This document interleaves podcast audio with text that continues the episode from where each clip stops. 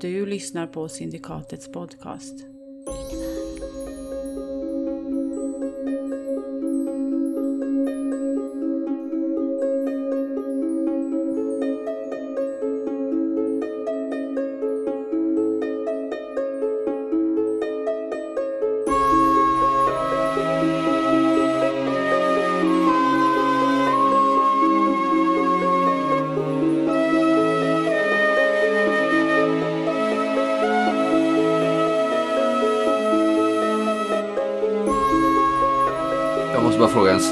Grej.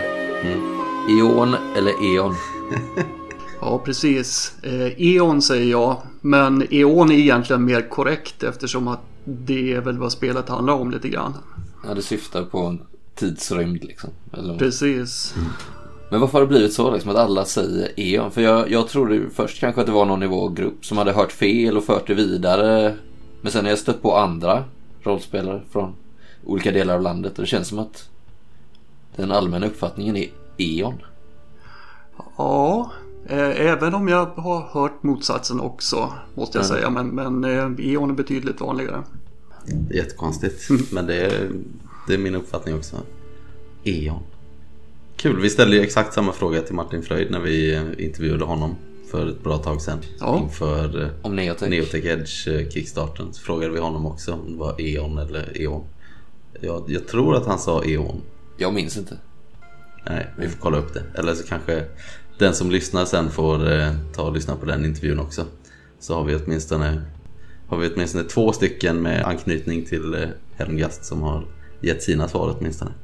Ja, precis. Ja, det vore ju intressant att, eh, att kolla upp det där om det fanns någon här geografisk gräns eller liknande. exakt. Ungefär som ostkrokar och ostbågar eller pannkakor och plättar. Kex och kex. Ja. Ja, den är i och för sig sjukt lokal tycker jag. Men nog om det. Vi får säga välkommen Dan Johansson till eh, Syndikatets podcast. ja, tack så jättemycket. Idag ska vi prata med dig om eh, din eh, rollspelskarriär, om vi ska kalla det för det. Och kanske framförallt Sylfens vrede som är i inspelningsstunden här så är det aktuellt på Kickstarter. Så då Stämmer passar bra vi det. på i syndikatet och, och få en liten pratstund med dig. Ikväll är det jag, eh, Daniel Palm och Jag, Adam Yngvesson, som sitter här och babblar. Vi spelar in det här den eh, 2 december, ska vi väl tillägga. Och hittills ser det ut som att det går ganska bra för kickstarten. Mm, Det ser ju svinbra ut tycker jag. Ja, absolut. Jag tror vi var lite positivt överraskade vi också över det hela. Men det, det finns ett sug uppdämt där ute. Det, det kan man konstatera som tog även mig med överraskning måste jag säga. Ja, det verkar onekligen så. Det var ändå ett, ett tag sedan eh, den fjärde delen kom ut så det är många som har väntat troget och lojalt nu. Förhoppningsvis så ska de bli rikligt belönade. Ja, det är väl det man förväntar sig åtminstone. Men det tror jag att det ska kunna levereras också va? Det tror jag nog. Om vi börjar prata lite om dig då. Eh, innan vi kastar oss in i Sylfens vrede. Ja, Ålder? Oj, vilken svår fråga. Eh, 43 tror jag. Eller är jag 42? jag är född 77. Vad blir man då? Ja, det stämmer bra. Någonstans där kring. Det är den här åldern när man slutar räkna. Ja. Yrke? Eh, jag jobbar som universitetslektor. Eh, undervisar i programmering, databasdesign, vetenskapligt skrivande och så vidare på, på Umeå universitet. Och hur länge har du eh, spelat rollspel? Spelat rollspel sedan jag var... Måste jag ha gått i fyran eller femman, så 10-11 år någonstans. Det var där Drakar och Demoner, svarta boxen i, i mitten på 80-talet. Det är det svaret vi har fått av nästan alla tror jag. Ja. Ja, ja, föga förvånande alltså. Ja, den var magisk. Och hur ser det ut med eh, din familjesituation, civilstånd? Ja, jag har en fästmö eh, som jag bor tillsammans med varannan vecka. Och varannan vecka så har jag en dotter på 11 år. Är det samma veckor eller olika veckor? Det är olika veckor eh, och Okej. vissa helger så får vi vara tillsammans hela, hela gänget. Tänkte att du inte sådär avsiktligt höll dem isär. Det hade känts lite konstigt. Men det kanske inte var så. Ja, precis. Nej, så, så utstuderad är jag inte. Det är då du sitter och skriver på E.ON. Ja, precis. Eller Ja, det, är, och det är ju spännande det här med, med skrivandet, hur det, hur det börjar te sig när, när man skaffar familj och, och får barn också. Det är ju helt klart så att produktiviteten kanske var lite, lite högre förr i tiden. Det är ju lite därför vi frågar liksom, hur, hur synkar man som rollspelsförfattare eller författare i övrigt eller kreativ eh, skapande i övrigt med eh, olika typer av ja, familjesammansättningar och sånt. Eh, det kan ju vara, det är inte bara det att vi är nyfikna på hur du lever ditt liv liksom. Men eh, känner du att du har tid att skriva mycket? Hinner du spela rollspel? Alltså jag, jag har skapat mig lite tid faktiskt eftersom att jag valde att, att jobba 80% efter att jag hade doktorerat färdigt. Vilket gör att jag har en dag ledig i, i veckan som jag kan ägna åt bland annat skrivande då. Men annars blir det mycket på kvällstid och sådär. Vad är det du har, vad är det du har skrivit mer? Är, är det enbart E.ON eller är det andra? Nej, jag har ju skrivit en, en doktorsavhandling i mobila system också. Som säkert har lästs av fyra personer skulle jag tro. Mina handledare och eh, opponenten inräknade. Eh, Nej, men skämt åsido. Eh, jag, jag har ju skrivit framförallt för, för E.ON när det kommer till, eh, till publicerade rollspel. Eh, jag har varit med på ett hörn i ett par av modulerna till eh, sagospelet Äventyr också. Eh, både Västanhavet och Monster i Masona. Och kommer nog synas lite grann där framöver också. Men sen så precis som de flesta andra rollspelare så har jag skrivit väldigt mycket som, som jag har publicerat bara lagt ut på nätet liksom till alla de spel som man har spelat genom åren. Så att det är ju Ja, det är ju hur många artiklar som helst egentligen. Många av de här finns på, en, eh, på vår spelförenings webbsajt också som heter stank.nu. Som är lite en sån institution som, som, som levt med sedan 90-talet. Okej. Jo, alltså bara om vi drar iväg på en liten avstickare här. Vi ska inte göra för många sådana. Men när vi pratar om eh, kreativitet och familjesituationer. Vi har ju en sak som vi har pratat mycket om inom syndikatet och med andra också.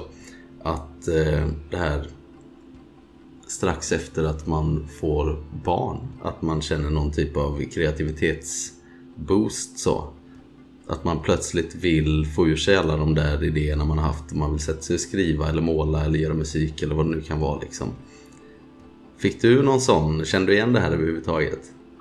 Kanske lite grann för um det här var nog faktiskt i eh, samma veva som jag la manken till och skrev färdigt eh, Ödesväven så var den fjärde delen i Sylfens vrede. Eh, Då minns jag att jag hade en, en ganska kreativ sommar där, där det blev väldigt mycket gjort. Så det, det kanske kan stämma i, i viss mån. Det var intressant i alla fall för vi, vi återkommer till det titt som tätt, just den diskussionen där. Så det är kul att få höra någon annan som har varit i just den situationen. Men det var ju någonting vi pratade om ganska sent efter att vi hade haft barn vill jag minnas. Eller fått barn. Så att det vi- det visade sig att vi hade samma upplevelse, flera olika vänner. Att, eh, att man blev väldigt... Det kliar i fingrarna när man passar på när barnen sover liksom. Eh, och ta, ta de stunder man får. Precis. Ja, men jag tror det handlar om det att den lilla tiden som man hade blev plötsligt mycket mer värdefull. Liksom. Att då, då ville man göra någonting, någonting vettigt med den tiden. Eh, Och inte kunde gå och prokrastinera och dra ut på saker och vänta hur länge som helst. Utan då ville man sätta sig och, och få det gjort. Det kanske är tidsbrist överlag som gör det där snarare än, snarare än just det att man har fått barn. Då, kanske. Men det kan vi återkomma till en annan gång. Mm, I vår barnpodd. Syndikatets eh, uppfostringspodd kanske. Men stä, stämde det? Jag läste inte om vi pratade om det redan. Men ha, har du skrivit för E.ON i 23 år? Var det så? Ja, alltså första boken kom ju 97. Så det borde ju bli 23 år ja. Ja, du var med redan från start liksom. Inte riktigt. Eh, när jag kom in så var det ju, det var ju Karl Johan Ström och, och Marco Berman som, eh, som var de, den, den fasta personalen på, på företaget. Jag minns jag flyttade ner till Göteborg 98 efter att ha, ha skrivit Jala på frilansbasis först hemifrån. Eh, Men 98 flyttade jag ner eh, och minns att första natten i Göteborg delade jag tillsammans med Christer Sundelin på Neogames kontor där. Vi myste ner oss i i varsin sovsäck. Härligt. Så ja, det, det var ett tag sedan nu alltså. Det är ju mer än, mer än halva livet bort. Ja, det är sjukt. Men det var, vad sa du, vilka var det som startade? Det var Marco Berman och... Det var ju Marco Berman och Carl-Johan Ström. Ehm, Christer Sundelin tror jag var, var inne i lite grann samma veva som mig. Jag tror han var, han var lite innan mig. Han, eh, Eh, det finns ju en geografisk närhet också mellan Göteborg och eh, Skövde tror jag han huserade i just då. Man kunde ta tåget ner där. Mm. Så när jag kom in så hade man väl hunnit släppa grundreglerna. Man hade hunnit släppa den första världsboken också. Och möjligen Möjligen någonting mer också som undslipper mitt minne. Men det, det, det var väldigt tidigt i alla fall i, i, i Eons dagar. Nu är det fjärde utgåvan som är aktuell va? Eller det är den senaste av, av Eons? Den fjärde är den, precis, den fjärde är den senaste som är släppt och det är väl den som skiljer sig mest åt både regelmässigt och, och världsmässigt från de tre tidigare versionerna också. Okej, Hur har det förändrats själva? Jag är mest intresserad av spelvärlden då kanske. Ja men precis. Spelvärlden alltså, redan från början när vi, när, när E.ON kom så man kan säga att det, det fyllde ju någon slags tomrum där efter Drakar och Demoner som hade dragit iväg åt ett helt annat håll med, med Kronopia och den svängen. Eh, och det fanns ett stort sug av, eller efter klassisk fantasy. Så E.ON Eon av 1990-talet var väl ganska mycket just klassisk fantasy men med en, eh, ett ganska stort inslag av en, en hyfsat realistisk världsbild skulle jag säga. Eh, Det var en, en uttalad plan redan från början att världen skulle inte få bli ett lapptäcke utan saker och ting skulle hänga ihop. Så det, det fanns liksom gemensamma dokument med historieskrivning och annat. Ehm, Och alla de här olika länderna och folken och, och så vidare fanns, fanns uppskissade så att man som skribent visste eh, vilka ramar man hade att röra sig innanför när, när man började brodera ut den här världen. Och jag skulle säga idag egentligen om man tittar på världsbygget så tror jag att just de delarna har dragits mer till sin spets. Att eh, det ligger ganska stor, ganska stor vikt vid dagens skribenter om att göra en, en logiskt sammanhängande värld. Som fungerar utifrån kultur, geografi, historia, religioner och så vidare. Eh, ända ner till de här mer fantastiska elementen i spelen också som är magi och liknande.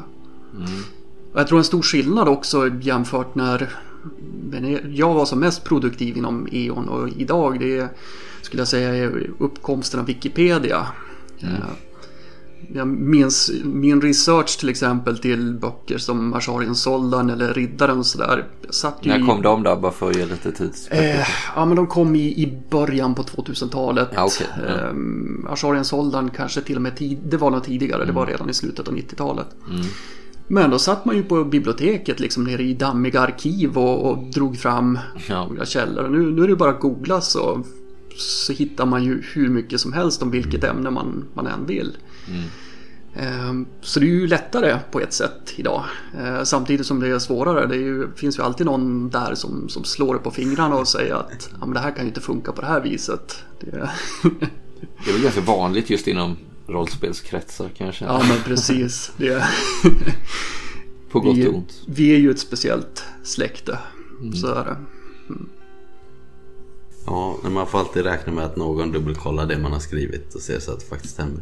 Ja. Men sen å andra sidan så är det ju fortfarande en fantasyvärld liksom så man kan ju Man kan ju alltid ha den, eh, det i bakhuvudet åtminstone.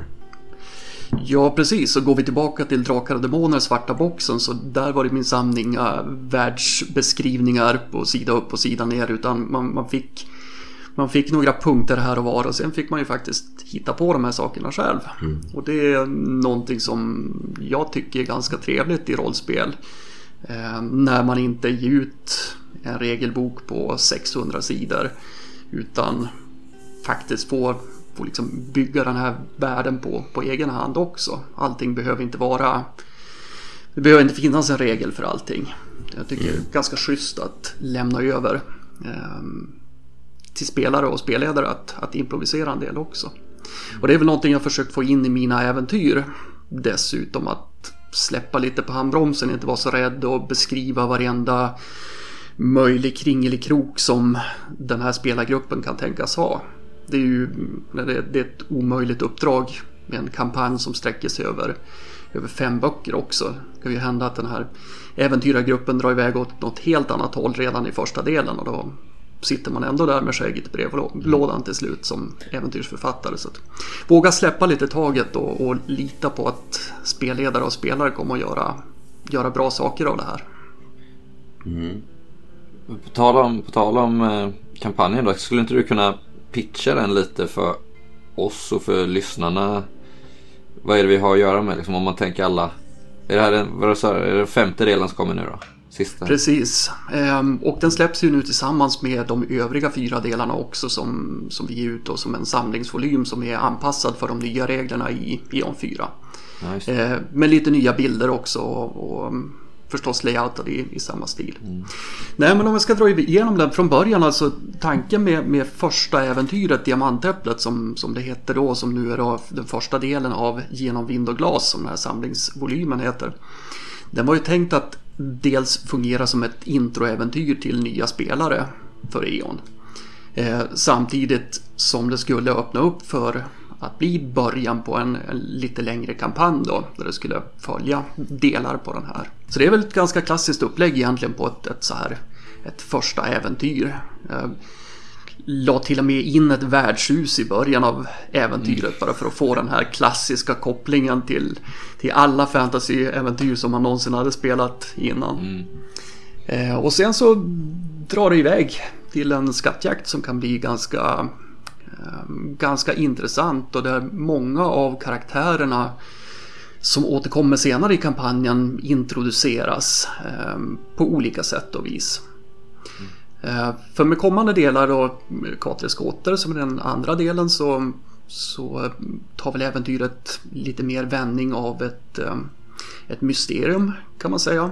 Där eh, viss karaktärsutveckling fortsätter också hos de här ganska mäktiga spelledarpersonerna som kommer att korsa spelarnas väg lite, lite här och var under kampanjens gång.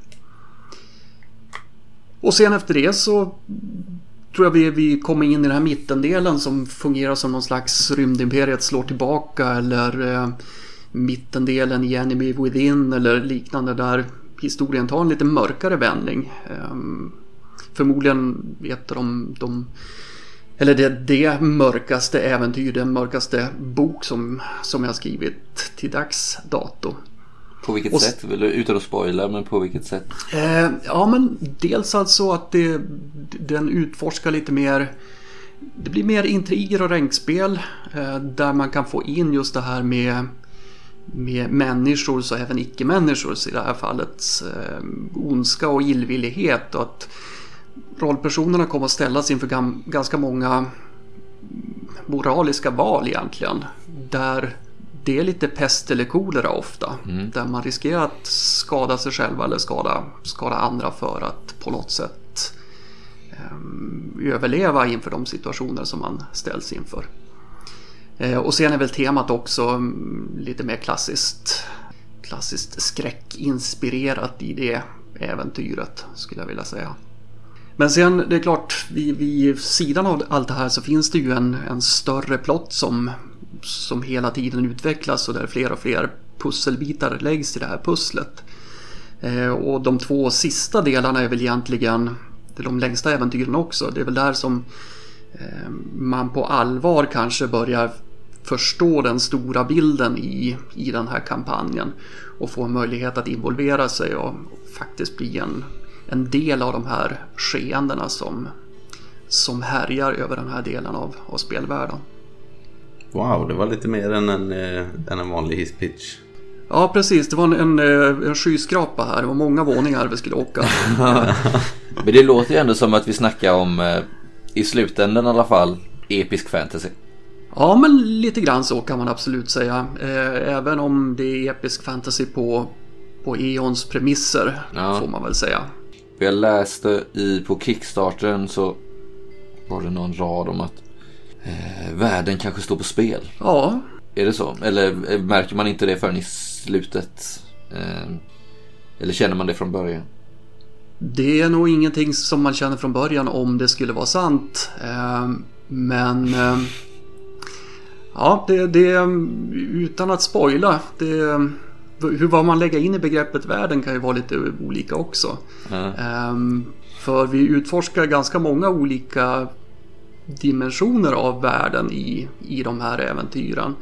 Ehm, Där vissa platser och vissa skeenden kanske mm, inte ens sker i den fysiska världen som rollpersonerna känner utan ta lite resor. Ehm, Snackar vi portaler och Ja, liknande? skulle kunna vara någonting liknande och kanske ännu, ännu, Ännu värre. eh, häftigare saker faktiskt. Ja.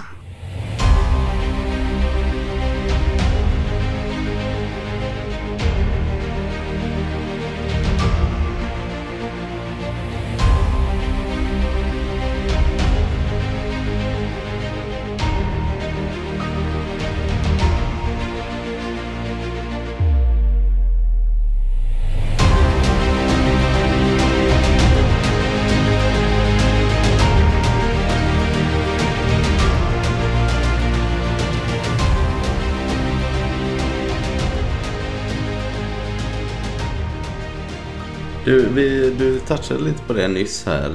Att eh, de här fyra första delarna kommer ut igen i en, en samlingsvolym då, och så har vi den femte delen separat. Eh, de här fyra första, har de fått någon utveckling förutom det du nämnde nu att det bildmaterialet är lite fixat och eh, layouten då så att det är samlad stil på alltihopa. Men har du gett dem en genomputsning till? Är det någonting som har ändrats sen de gavs ut tidigare? Eller är de liksom i stort sett samma om man säger? Ja, alltså vi, vi har ju fått jobba lite grann med, med formen på dem eftersom att nu är det en bok och inte fyra böcker. Vilket gör att ja, en sån enkel sak som sidhänvisningar och, och annat får göras inom boken.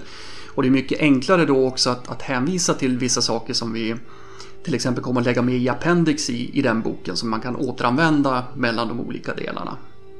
Eh, sen är det klart att jag har varit inne och gjort lite puts sådär. Eh, men det har väl medvetet varit så också att jag har gärna velat lämna de här äventyren så, så nära originalen som möjligt. Ehm, eftersom att jag vill ju att det här ska vara kampanjen Sylfens vrede och inte, inte en, en ny version av, av det hela. Lite en gri- gritty reboot på alltihopa. Nej, precis. Det, jag, tanken har faktiskt slagit mig med min första bok, Jarla, 25-årsjubilerar ju om två år. Närt en liten sån här dröm om att gå tillbaka och göra om den i grunden sådär och, och släppa den som en modul till, till E.ON 4. Men jag, jag vet inte om det är en speciellt bra idé. Eh, Men just i det fallet skulle det vara kul att liksom ta ett, ett stort omtag. Men det här är, just, just här så när vi släpper liksom den femte delen nu för första gången så känns det som att nej, jag vill inte gå tillbaka och, och göra om de första delarna innan sista delen ens är släppt här. Mm. Nej, men det, är det, det är därför jag frågar för att jag vet själv hur det är när man tittar tillbaka på någonting som man skrev för 10 år sedan, 15 år sedan. Det, jag, det, jag kan tänka mig att det är svårt att hålla sig ifrån att gå in och göra de där ändringarna som man vet att man kanske, om man skulle skrivit det idag så skulle det ha sett annorlunda ut. Förstår du vad jag menar? Ja men absolut. Eh, och det finns ju en hel del exempel på, på sånt. Eh, jag tänker till exempel från ja, men det första äventyret Diamantäpplet om man ska ta några exempel så det är ju väldigt, eh, finns väldigt väldetaljerat liksom när det börjar vanka strid eller om det finns skatter att bärga och liknande. Och det var ju för att vi, vi hade den mallen när vi skrev äventyr på, på den tiden så att det, det var så vi tänkte då. Nu kanske tyngdpunkten ligger vid, vid andra saker i, i de avslutande delarna av, av den här kampanjen. Mm. Och där kan jag eventuellt ha gått in och gjort någon liten så här justering och kanske lagt in ett alternativt sätt att lösa vissa tänkbara konflikter på och liknande. Men det, det rör sig om väldigt små förändringar rent, rent eh, textmässigt skulle jag säga.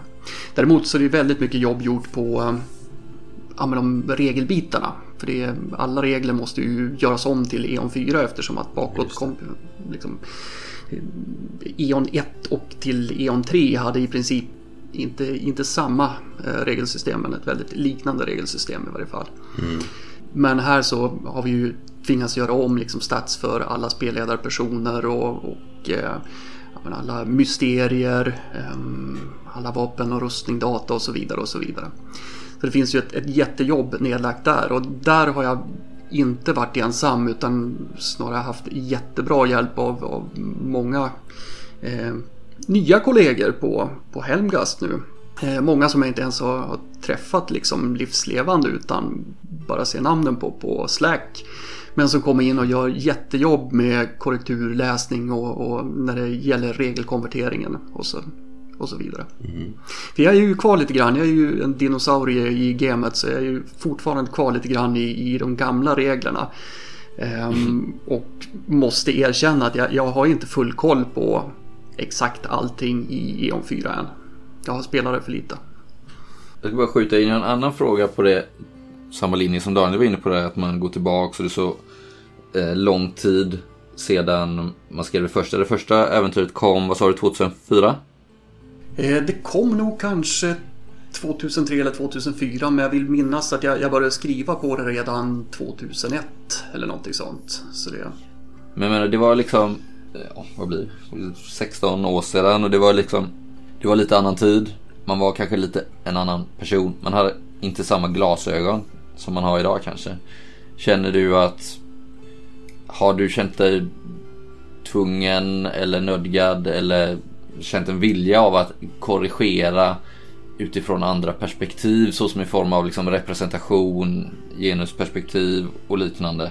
Som jag vet att till exempel eh, till Call of Cthulhu när de släppte den senaste utgåvan av Masks of Nyarlathotep så har de ju ändrat eh, på vissa rollpersoner eller på vissa spelledarpersoner eh, kön och eh, hudfärg och liknande liksom. Ja precis, jag, jag spelade faktiskt den kampanjen just nu med, med mitt gäng här uppe. Eh, lyssnade lite grann på eran podd också när ni mm. var röjde runt där i, i New York. Eh, och tycker de, de har ju gjort ett jättebra jobb med, med eh, nyversionen av, av den kampanjen. Jag spelade den själv som spelare för, ja men det måste ju också vara 15 år sedan nu och tagit upp mm. den nu då som, som spelledare. Eh, men för att återkomma, absolut, alltså just det här med, med inkludering i, i, spel och liknande, det var ju ingenting som man satt och tänkte på där och då egentligen. Nej. Kanske fanns det några eh, som gjorde det. Eh, men inte jag i alla fall och det, det, ser man ju, det ser man ju nu när man går tillbaka och, och tittar på de här tidigare böckerna. Eh, att vissa till exempel könsroller är ganska sådär stereotypa, även hur man beskriver olika karaktärer i böckerna. Eh, men även där, alltså jag är inte så mycket för det här med att, att sudda bort gamla ungdomssynder utan jag, jag tar till mig av sånt här och, och, och försöker liksom försöker ta med det in i allting som jag skriver idag. Mm. Eh, och liksom bara en sån enkel sak som att ja, man, vi har gjort en spelledarperson här. Vad skulle hända om den här spelledarpersonen eh, bytte kön? Eller eh, hade ett handikapp eller liknande. Blir den här spelledarpersonen till och med mer intressant i sådana fall? Eh, så det mm. tänker jag mycket på idag. Mm. Jag undervisar också faktiskt på en, en kurs på universitetet som heter Icke-linjärt och interaktivt berättande. Där vi tittar på spel som kulturform också. Ehm, både liksom inuti spelet men också vad som händer, händer runt om och med, med spelande. Mm. Där vi brukar ha en hel del intressanta gästföreläsare också som kommer in och, och hjälper både oss och studenterna med de här ämnena. Eh, så därigenom har man ju också snappat upp en, en massa matnyttigt. Mm. Jag tycker hobbyn idag, både om man tittar på, på brädspelshobbyn och på rollspelshobbyn tycker jag är väldigt medveten generellt. Eh, jämfört med om man bara backar bandet fem år till exempel. Mm. Går man fem år tillbaka i tiden så, så var det vanligare att hitta ett får på omslaget av ett brädspel än en kvinna. Och så ser det ju inte ut idag. Utan nu, nu har man ju en, en 50-50 representation skulle jag vilja säga i de, de flesta spel. Det, det, det känns onaturligt om det liksom inte finns både spelbara kvinnliga och manliga karaktärer i ett, ett spel. Mm. Det här du säger om att eh, första äventyret egentligen då var skrivet som kanske ett introduktionsäventyr för en ny spelgrupp som testar E.ON för första gången. Att det kanske hade varit jättebra även idag då att man lämnar det och låter gruppen utvecklas i takt med äventyren så att säga. Så att man börjar på en ganska basic nivå. Som rollspel kanske var skrivna för 16-17 år sedan liksom. Eh, och sen tar utvecklingen därifrån. Om man då har liksom en färsk spelgrupp att de får utvecklas i takt med äventyren. Absolut. Eh, och för att gå tillbaka till, till eh, Masks av Nyarla så har man ju infogat ett prolog där till exempel som är ett väldigt straightforward mm. eh, Call of Cthulhu-äventyr som liksom på något sätt sätter tonen för den kommande kampanjen. Man blir introducerad till någon av de viktigare eh, spelledarpersonerna där också. Ehm, så det kan man väl säga att Diamantäpplet på, på sätt och vis fungerar på samma sätt. Att det, det är ganska enkelt att komma igång. Premisserna är ganska enkla. Vi ska iväg på den här skattjakten och sen så rullar saker igång på, på allvar. Det blir lite som en eh, odyssé över hur eh, svenska rollspelsäventyr har skrivits genom åren. ja, Ja, faktiskt. När du, när du säger det så, så kan man nog se det lite grann som ett, ett tidsdokument faktiskt. Ja. Alltså, varför sköter inte jag PR för den här Kickstarter-kampanjen? Få ett samtal efter den här intervjun kommit. Ja, precis. Åter till eh, Sylfens vrede igen då. Alltså den här typen av lite längre kampanjer, liksom flera äventyr som hänger ihop. Det, det är någonting som saknas till väldigt många rollspel. Alltså rollspel nu för tiden, det kanske kommer en grundbok, ett äventyr och sen så går man vidare till nästa grej. Mm. Och det, det, är liksom inte ovanligt att, att en utgivning kanske slutar efter Kickstarter. första... Ja men det är en Kickstarter och sen är det klart liksom. Ja. Hur svårt skulle det vara att förflytta Sylfens vrede från Mundana till en annan spelvärld? Oj. Um, så hur, hur väl förankrad är, är äventyrssviten i spelvärlden? Liksom? Den är väldigt väl förankrad måste jag säga. Um, samtidigt är det så, är man en driftig spelledare och har lust att ändra namnen på alla ingående länder och nationer och de politiska systemen och religionerna och så vidare. Så fine, men ingenting som jag skulle rekommendera. Um, mm. Däremot tror jag att det skulle vara betydligt enklare att kasta ut E.ONs regelsystem. Nu kanske jag får en massa, massa fiender här. Och plocka in valfritt annat eh, spelsystem. Åtminstone i, i den andra halvan av kampanjen som är eh, där man nog kan komma väldigt långt utan att behöva slå upp stridskapitlet speciellt många gånger. Men jag vet inte om jag skulle rekommendera det heller. Eh, speciellt inte nu när jag har lagt ner så mycket, så mycket tid och kärlek på att eh, faktiskt få den här kampanjen att, att eh, synka ihop med regelsystemet i, i E.ON 4 också. Mm. Men på det temat, eller var du färdig? Förlåt.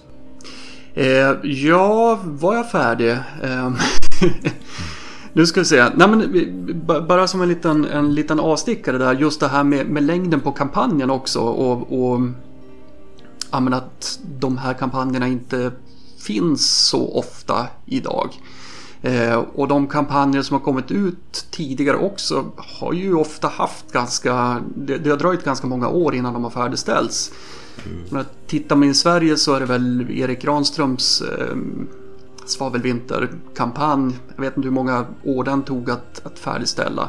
Eh, men det var ganska lång tid mellan första och, sista boken där vill jag minnas. Tittar man utomlands så har man ju ja, men Enemy Within-kampanjen till Warhammer um, som släpptes där den sista delen aldrig kom som en nyutgåva heller. Um, mm. Vilket var lite så snopet så man fick nöja sig med den, den, eh, den ursprungliga versionen som tyvärr inte var speciellt bra. Det är alltid taskigt också när, man, när femtedelen i en äventyrskampanj visar sig vara den överlägset sämsta. Ehm, det ska förhoppningsvis bevara E.ON-spelarna för den här gången. Jag, jag, tycker den sista delen är den bästa men det är, det är vad jag tycker. Mm. Eh, sen får vi se om, om andra håller med mig.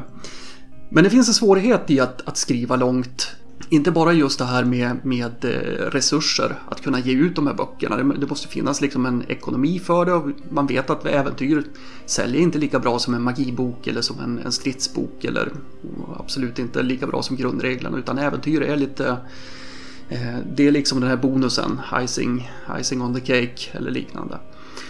Så där finns det ju ett, ett inbyggt ska man säga, ett inbyggt hinder i alla fall i att man har alla de här eh, resursmässiga eh, hindren som man, som man måste slåss mot för att kunna ge ut en, en kampanj på, på fem böcker. Mm. Men sen är det också det här vi var inne på lite grann i, i början här av, av vårat snack att ja, men hur, hur håller man ihop en kampanj över fem äventyr? Äventyrarna kan ju dra iväg åt, åt helt andra håll eller bli intresserade av, av helt andra saker vilket gör att det kan vara svårt att, att, få den här röda tråden att, att hänga samman också om man skriver. Ja, framförallt kan de ju dö och bli tvingade att ersättas av nya rollpersoner. Ja, och det sker ju lite titt som tätt när vi pratar E.ON. Um, mm. det, är ju, det är ju så. Ger man sig in i en strid där så, så kan man ju ge sig den på att någon får ett litet sår som blir infekterat och sen så mm. dör man av kallbrand några veckor senare sådär. typisk, typisk E.ON-död. Men hur lång tid tror du det skulle ta att spela för, eller du kanske har speltestat allting själv. Hur lång tid tar det att spela från perm till perm alla fem delarna? Du får ställa frågan på ett lite mer eh, ett lite bättre sätt Adam. Alltså hur mm. många spelkvällars nöje får man om man backar produkten på Kickstarter? Exakt. Ja, det blir, det blir väldigt många alltså. Men det där är ju lite grann vilken spelstil man har också som spelgrupp. Det har jag ju märkt att vissa Vissa spelar ju faktiskt bara liksom de här scenerna där det verkligen händer saker och så är det snabbspolning framåt. Våran spelargrupp har en tendens att ja, men spela nästan varje dag på, på samma sätt. I realtid? Ja, men lite grann så. Eh, det är väldigt mycket spelarinteraktion, det är väldigt mycket eh, egna små agender och pyssel och, och påhitt eh, under de här kampanjernas gång. Så att Ja, för våran spelargrupp så skulle jag säga att vi, vi har eh, vi, vi, har väldigt, väldigt, väldigt många timmar. Mm. Eh, och det tror jag också att många andra spelgrupper har, även de som bara hoppar mellan de mest actionfyllda sekvenserna. Sen är ju kampanjen byggd på ett sånt sätt också att det går ganska bra att skjuta in egna scenarier eller till och med då spela andra äventyr mellan vissa av de här delarna i alla fall. Vissa, vissa skarvar funkar bättre i än andra. Eh, vilket nästan var ett måste också med tanke på ja, tiden som det har tagit mellan vissa av de här boksläppen. Och lite mm. elakt att säga åt spelarna att nu ska ni vänta på nästa äventyr här innan ni kan, mm. kan köra vidare. Men eh, rent eh, tidsmässigt sådär i spelet så, så det rör sig ju ändå om, om ett par år i liksom spelvärlden som den här kampanjen täcker. Mm. Mm. Så det beror, beror ju på vad man fyller de där åren med också. Hur mycket dödtid och hur mycket som går åt åt, åt äventyrande. Men jag tror ja. att man, man, kommer att få valuta för pengarna så det, det kan jag nog ärligt, ärligt säga handen på hjärtat att mm. um, det, det, det är mycket, mycket spel för pengarna. Mm. Jag tycker det är intressant överlag det här med långa kampanjer eh, i förhållande till kortare scenarion eller one-shots.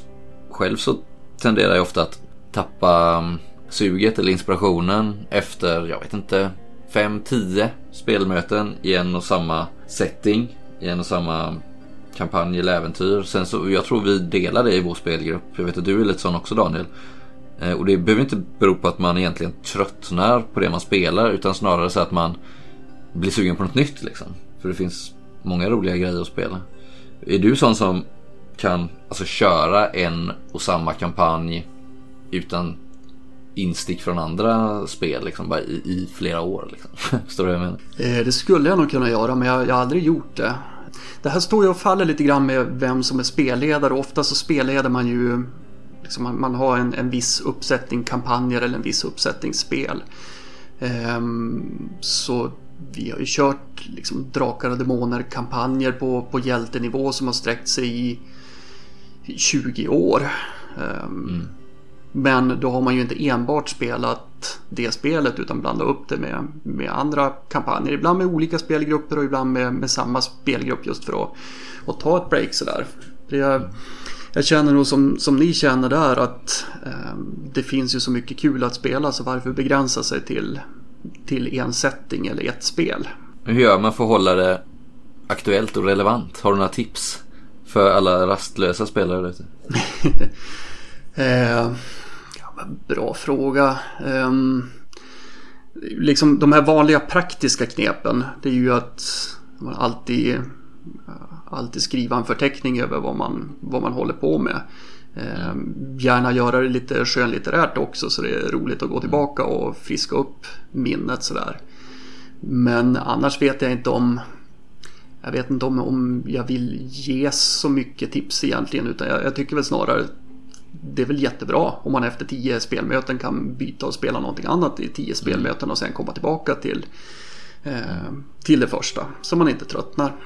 Jag tycker inte att man ska liksom gå i, gå i terapi för att lära sig spela samma spel. Nej.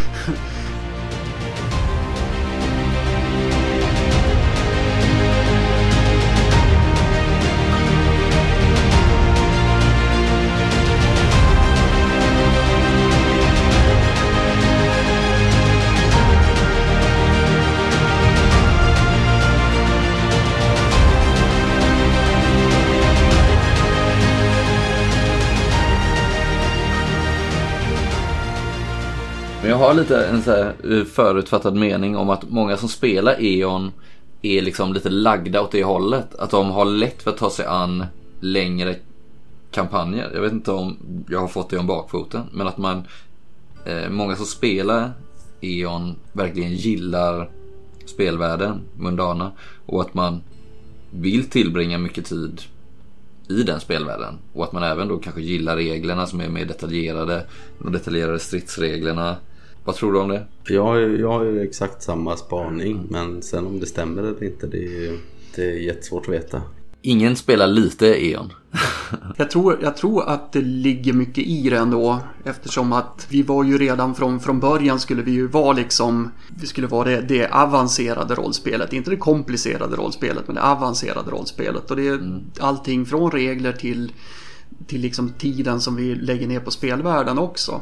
Sen finns det ju liksom grader i grader av, av eh, hur avancerat det är också. Det finns ju en del amerikanska rollspel vars spelvärld är långt liksom, mer beskriven än, än vad E.ONs värld är också. Mm. Men tittar man på, på den svenska marknaden så skulle jag nog säga att, att E.ON är väl den, det spel och spelvärld tillsammans om man skulle slå ihop liksom den, den detaljgraden på de två så skulle den nog hamna i topp. Um, mm. Försöker komma på någonting som skulle liksom kunna slå sig in där men, men uh, jag menar även om man tittar på allting som, som skrevs till gamla Drakar och Demoner med Erebaltor och liknande. Mm. Um, så hade det ju ändå lite mer karaktären av ett, ett lapptäcke. Att man, man spelade man i, i uh, i Sorakin, ja, men då, då behöver man liksom bara ha koll på, på just den världsboken och spelar man vid i Nidländska reningen, ja, men då, då var det liksom Hyns Olge och, och Nidland som man behövde ha koll på. Um, med Eons världsbygge så, så hänger ju allting ihop um, mm. så mycket tydligare. Vilket gör att det, det är ju en lite större tröskel kanske för en, en ny spelledare att, att komma in och ta sig an det. Men å andra sidan, det kanske också lockar de här personerna som vill ha en lite matigare spelvärld och lite matigare spel. Mm. men jag, jag tror det ligger någonting i det, att just det här, man måste investera ganska mycket av sin tid. Liksom. Man måste göra sin research för att kanske få ut mesta möjliga av E.ON. Men när man väl har gjort det så, så får man tillbaks det sen när man spelar liksom. Och då är det svårt att släppa det och gå vidare till något annat spel kanske. Eller det, det är klart man kan göra det men, men att då kanske man, man känner att man får ut mer av den världen just för att man känner den så väl. För att det finns så mycket beskrivet. Ja. Det coola tycker jag är att det finns att det finns ett spel som gör det. Att inte allt behöver vara lättkokt. Nu kör vi ihop någonting på fem minuter och så kör vi. Och sen glömmer vi det och nästa vecka kör vi något annat. Utan jag gillar att det finns. Hur känner ni liksom i marknadsföringssyfte? Försöker ni eh, spela på det idag? Ni som, ni som skapar E.ON. Att så här, det här är ett spel som tar mycket tid och du får ut mycket av det. Men det kräver också lite av det. Eller vill ni locka in alla? Förstår du vad jag menar? Ja, precis. Och det, det där beror nog på lite vilket perspektiv man tar också. Det är klart att vi skulle vilja att alla spelar E.ON. Eh, men det kanske inte är helt realistiskt heller. Ehm, jag vet inte om vi, vi trycker sådär jättehårt på det egentligen men jag tror att det är någonting som är lite underförstått. Att många som är, många som är inne i rollspelssvängen sådär antingen upptäckte E.ON på, på 90-talet eller början av 00-talet när det fortfarande var relativt nytt att ha med sig liksom, kunskapen om det därifrån. Eller att man plockar upp E.ON som ett lite senare spel, att man kommer in i hobbyn med någon typ av, av enklare spel och sen får nys på, på E.ON. Mm. Um, men jag tror inte vi, vi trycker på det så här jätteexplicit men, men allting som vi skriver ligger ju liksom i... Det måste ju liksom gå igenom det filtret. Vi, vi kan inte ge ut någonting som inte stämmer överens med resten av spelvärlden utan all, allting måste, måste kugga i varandra. Mm. Och där befinner vi oss i ett, ett, ganska spännande skede nu av, av E.ONs utveckling också när vi har liksom väldigt mycket gammalt skrivet till E.ON och många böcker liksom på väg, eh, ligger i pipen och är på väg ut nu.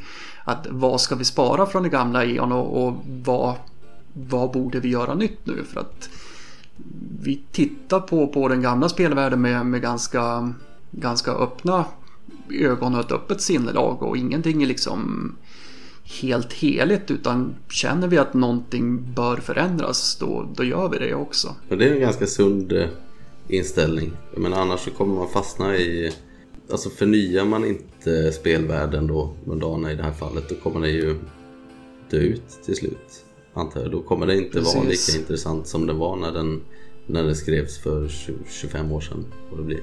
Mm. När det började. Nej, och, och, alla, alla spel har ju, mm, som, som, har en lite längre historia. Som ni säger att vissa spel idag de, de dyker upp i en Kickstarter och sen så, mm, sen så är de borta från radarn sådär efter något år. Men E.ON har ju ändå hängt med sedan mitten av 90-talet så det är ju, vad blir det, det är ju 30, 30 år nästan. Och det är klart, spelvärlden och dess supplement, där är, det är ju tiden frusen på sätt och vis. Den beskriver fortfarande världen som den var 2967 efter DAK. Eh, och, men det, det, är ju svårt att vara inne och, och, ändra på en sån sak också.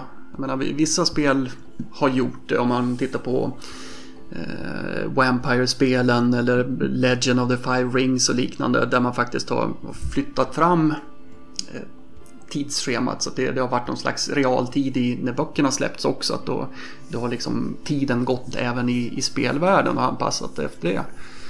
Mm. Men det är svårt att göra med, svårt att göra med E.ON. Ehm, utan där får man ju i sådana fall ehm, egentligen återigen ta höjd för att det här är någonting som spelledaren och, och spelledaren klarar av att ro i, ro i land.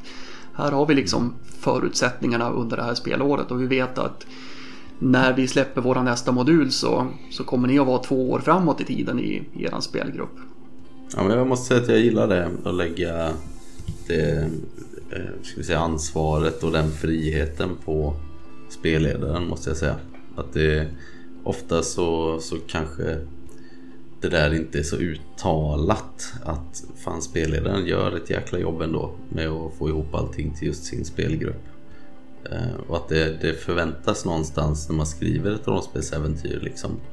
Men, eh, men det är nog skönt för många att höra det också. Även från en författare här då som skriver rollspelen att fan, det finns ju en, en människa mellan dig som skriver det och de som upplever äventyren liksom som faktiskt är den som gör det bra eller dåligt. Mm.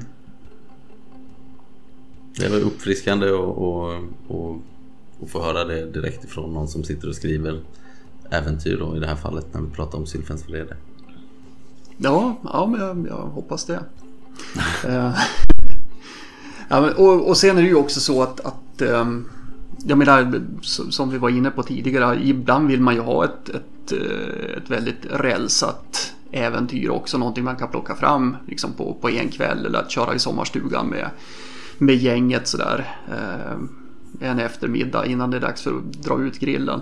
Så att de äventyren fyller ju sin plats också, absolut. Eh, jag halkar in ganska hårt på brädspelshobbyn nu för ja, men, efter jag fick barn och sådär. Eh, byggde upp en, en ganska imponerande spelsamling. Och där finns ju alla de här olika typerna av spel. Liksom de som man bara kan kasta fram och, och köra direkt. Men även de här som, är, som man investerar väldigt mycket tid i att lära sig spelet, lära sig de olika taktikerna och strategierna i spelet. Man investerar mycket tid när man spelar det här spelet också. Eh, men det är väldigt givande efteråt. Ehm, så jag tycker att både en, en, en, bra rollspelsamling och en bra brädspelsamling bör innehålla de här olika typerna. Ehm, jag tycker det är tråkigt om man liksom binder fast sig vid att säga att jag är en spelare som, som bara spelar den här typen av spel. De våga prova. Våga prova både mer avancerat och, och kanske att hänge sig åt, ehm, åt enklare spel också om man skulle vara en person som har snöat in i, i de här mer avancerade spelen. Mm. Jag hade en fråga på det du eh, nyss nämnde. Du kanske svarade på den frågan lite så här. Men Sylfens vrede som, som kampanj. Eh, skulle du säga att det är Eons stora kampanj? Ja. Du tror jag ja. menar? Lite som alltså, undergångens arvtagare i MUTANT undergångens arvtagare. Det är, ju, det är ju absolut det hittills i alla fall eftersom att um, inga andra äventyr som jag kan minnas har fått någon uppföljare överhuvudtaget. Eh, så det, det är ju den, den enda kampanjen till E.ON. Men en liten spaning är väl också att det kommer att bli den stora kampanjen till E.ON. Eh, och nu pratar jag inte liksom stora utifrån att det här skulle vara den, det bästa som någonsin skrivs till E.ON i äventyrsväg Nej, utan omfånget. Mm. Jag tror att det skulle, jag skulle aldrig kunna, eller jag skulle inte vilja sätta mig ner och skriva den här typen av, av kampanj igen. Mm. Jag tror att jag skulle kunna få väldigt mycket sagt i äventyrsväg på, på två böcker eller på tre böcker. Eller även enstaka äventyr. Ehm, och jag tror också liksom när man tittar på hur mycket, hur mycket resurser som vi har fått lägga på att, att få ut den här typen av kampanj. Så är det lite avskräckande också. Ehm, jag tror rådet både till mig själv och till andra äventyrsskribenter för E.ON är nog att satsa på att gärna göra kampanjer men att göra kortare och kanske lite spetsigare kampanjer än den här. Eh, det tror jag att både skribenter och spelare kommer att tjäna på faktiskt. Mm. Men jag är jätteglad att vi lyckades liksom ro i land det här, det här monsterprojektet som det ändå blev. Eh, mm. Det, det, var liksom inte mm, ja, nästan 600 sidor på, på två böcker. Det hade man ju aldrig mm. kunnat drömma om, inte ens liksom efter ödesväven. Men eh, saker och ting behöver få ta lite plats ibland också. Mm. Och en följdfråga på det då, alltså, och det var det jag menar att du kanske nämnde, men leder den här kampanjen, utan att du spoilar återigen då, till några omvälvande avslöjanden i Mundana eller om på ett kanske mer metafysiskt plan eller förändringar i spelvärlden? Alltså är världen annorlunda efter att man har spelat? Mm. Eh, både ja och nej skulle jag vilja säga. Mm. Um, det kommer absolut att finnas möjlighet. Jag har till och med lagt till ett, ett extra kapitel på slutet som jag kallar för en, en ändknut. Som på något sätt ska knyta samman allting som eh, alla de skeenden som, som varit på gång i de områden av spelvärlden som den här kampanjen har utspelat sig i. Mm. Eh, vilket ger hjälp för spelledaren att, eh, att eskalera och kanske ta några konflikter till sitt slut också. Mm. Eh, så det kommer absolut att, att finnas möjlighet till att liksom, uppnå stora politiska förändringar. Eh, beroende på vad rollpersonerna är intresserade av och vilket håll som spelledaren styr kampanjen också. Det är absolut inget måste men det, det, finns, det finns öppningar för det. Sen är det också så att genom hela den här kampanjen så har vi väl liksom portionerat ut lite information också om ja, hur saker och ting hänga ihop rent metafysiskt i, Mm. i spelvärlden. Eh, och det är väl någonting som vi kommer att öka takten med på slutet nu också. Jag tänkte på en sak nu innan vi går vidare bara.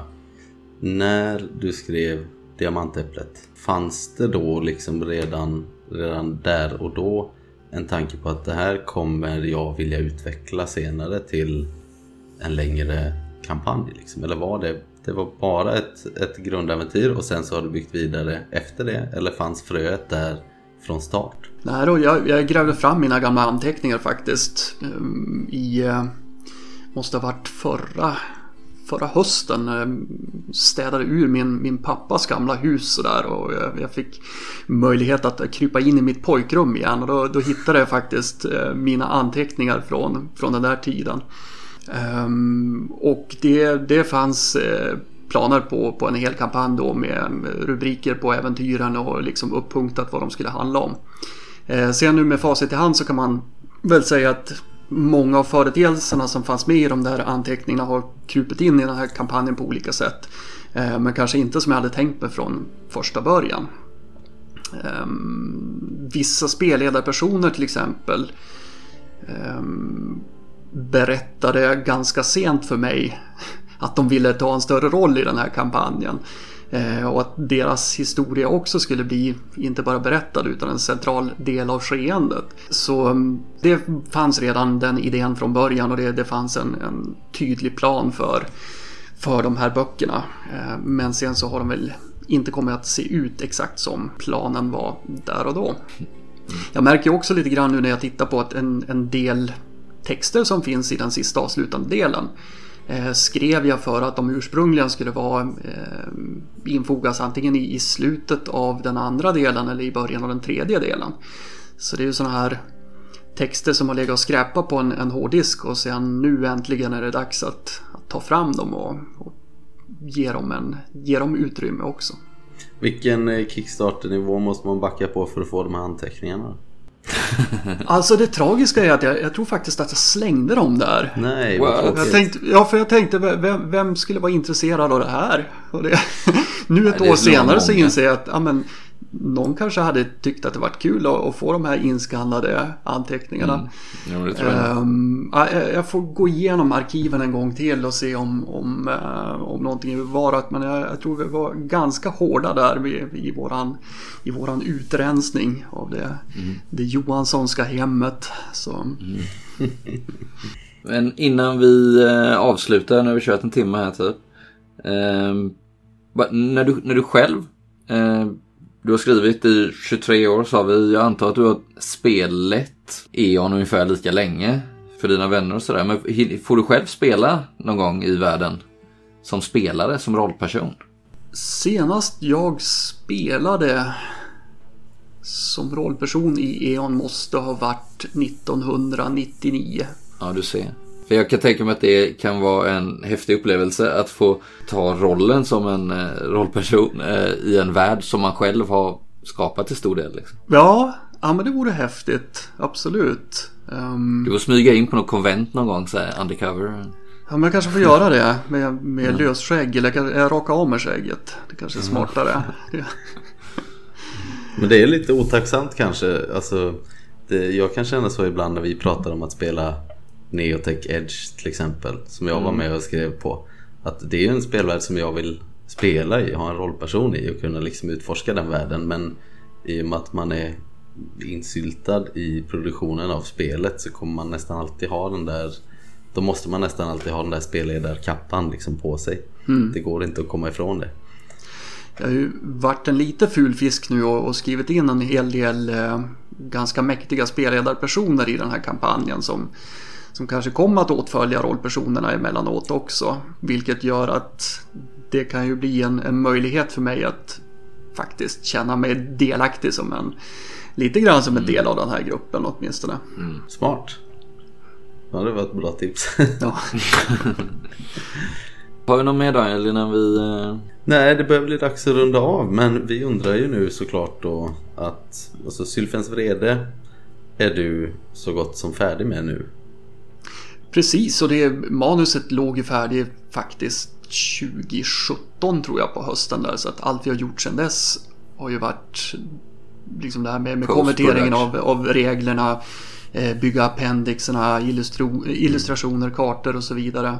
Vi var inne tidigare på, på det här med spelledarpersoner och vi, vi öppnade ju ett stretch goal nu när vi precis som på samma sätt som i Game of Thrones-böckerna eller liknande lägger med en, en förteckning över alla spelledarpersoner på slutet med sidhänvisning och en liten kort beskrivning om vilka de är.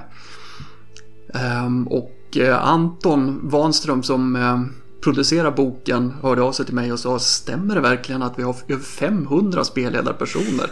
Jag sa nej, det, det, det, det låter inte rimligt. Uh, men sen så satte jag mig ner och räknade. Jo, det, det var mer än 500 spelledarpersoner som... Ah, det där besannar ju mina förutfattade meningar om E.ON då menar du? det är mycket av allt. Ja. Men det, det, det jag skulle fråga i alla fall var Eh, Sylfens Frede, snart ligger den liksom bakom dig. Mm. Vad ser du framför dig nu då? Vad blir nästa projekt? Blir det Sylfens Frede 2 eller blir det någonting helt annat? Det blir någonting ganska helt annat måste jag säga. Um, vi smider planer faktiskt på ett eh, projekt med, med E.ON-anknytning som fortfarande är hemligt. Brädspel? Alltså, jag säger ingenting. Eh, men, eh, nej, men det, det, är någonting som är, är, så smått påbörjat men som jag inte har ägnat all för stor uppmärksamhet åt eftersom att eh, Sylfensvrede har tagit så pass mycket mycket tid och kraft i anspråk. Så att när det är färdigt så kan jag ägna mig lite mer helhjärtat åt det och förhoppningsvis så kan vi börja släppa lite nyheter om, om det också eh, så småningom. Eh, sen så har jag fått en del förfrågningar också från, eh, från sagospelet Äventyr om att eh, skriva lite mer för dem så att jag skulle nog förmodligen inte, ingen blir förvånad om jag, om jag skulle dyka upp där också. Du håller dig inom fantasyn i alla fall? Ja, men det verkar så. Annars så när jag spelleder så, det jag tycker bäst om är väl egentligen de här ja, lite mer mysiga deckaräventyren, Call of Cthulhu, mm. Chock och liknande. Så att det vore kul att, att skriva någonting officiellt för, för de spelarna också en vacker dag. Vi, vi får se. Bara sista fråga. Vem eller vad är Sylfen? Är det hemligt? Ja, därom tvistar ju Mundanas lärde. Du kommer att få olika svar om du frågar en magiker eller en präst eller, eh, eller en värdshusvärd. Eh, men det är ju någonting som eh, påverkar världen ganska så fysiskt skulle jag vilja säga. Mm. Med början en bit in i kampanjen. En perfekt punkt att avsluta på det. Måste jag säga. Mm. Bra svar utan, utan att spoila någonting så det, det Ja men precis, man, man, får ju hela tiden balansera på den här slaka linan. Mm. Inte sitter någon stackare här som, som får... Jag förstörde allt! ja. Nej men då återstår det väl egentligen bara för oss att tacka så mycket och önska lycka till med eh, de dagarna som är kvar av eh, Kickstarten helt enkelt. Ja, tusen tack för att jag fick eh, komma hit. Det var jättekul att snacka med er.